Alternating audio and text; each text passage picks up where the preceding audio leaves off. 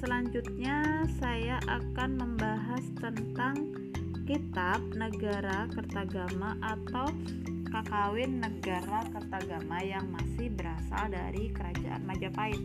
Ini adalah kitab yang akan saya bahas hari ini. Karena sudah cukup banyak sekali yang saya bahas nanti. Kalian bosan mendengarnya atau mungkin kalian sudah bosan.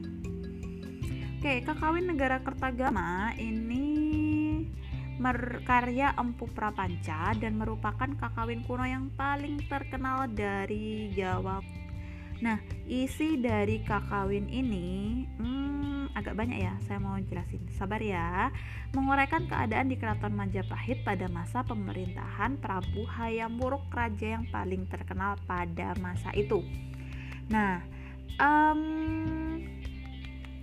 negara Kertagama itu ditulis dalam bentuk syair dan terdiri dari 49 pupuh di pupuh itu apa ya? 4 di sorry. Naskah ini terdiri dari 98 pupuh. Um, bagian pertama itu 7 pupuh tentang raja dan keluarganya. 9 pupuh tentang kota dan wilayah Majapahit terus 23 pupu tentang perjalanan keliling Lumajang.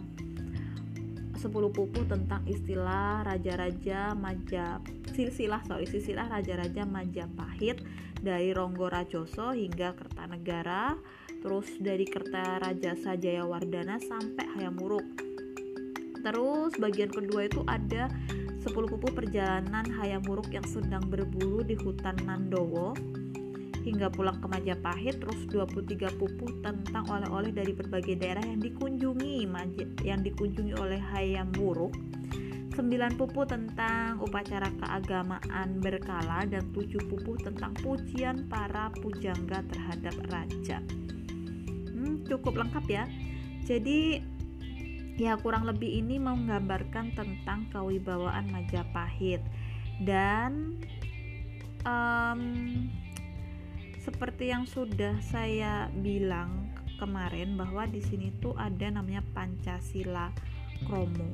Jadi itu istilah dari Pancasila Kromo itu berasal dari sini, dari Kitab Negara Kertagama yang kemudian diadopsi sebagai dasar negara kita. Gitu. Isinya apa aja versi negara Kertagama? Silahkan kalian dengarkan podcastnya sebelumnya ya oh ya sama bahas ada lagi satu Sudayana. Nah kitab Sudayana itu menceritakan tentang perang bubat.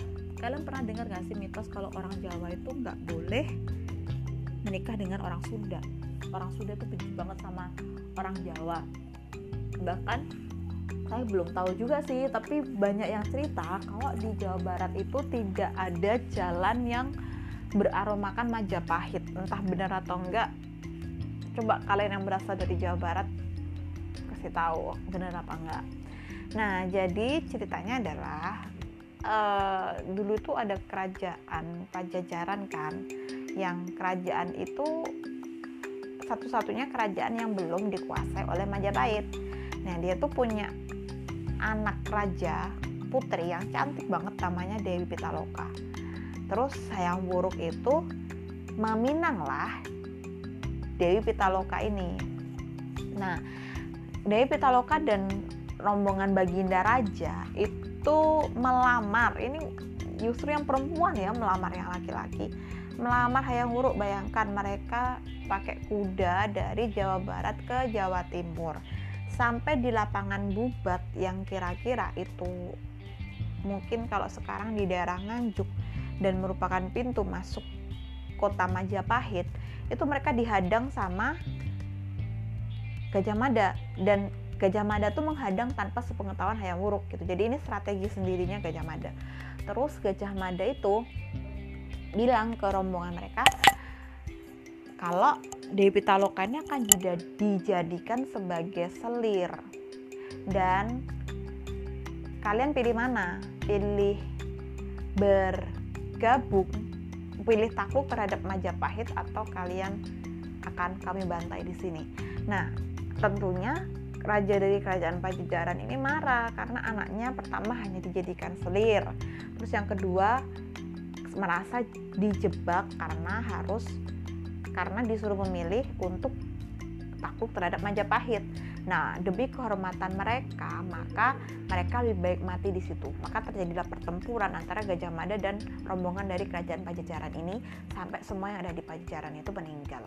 Nah, ini membuat Hayam Wuruk patah hati guys, seorang sultan patah hati. Patah hati terus ngambek, ngambek sama Gajah Mada. Gajah Mada dinonaktifkan sebagai patih 6 bulan kalau nggak salah. Itu contoh-contoh dari historiografi atau kitab-kitab dari historiografi tradisional hari ini saya mendongeng. Ini cukup kalian tahu aja didengarkan syukur nggak didengarkan juga tidak apa-apa. Tapi semoga bermanfaat dan kalian bisa ambil pelajaran dari kakawin-kakawin yang sudah para leluhur kita buat. Terima kasih Tuhan memberkati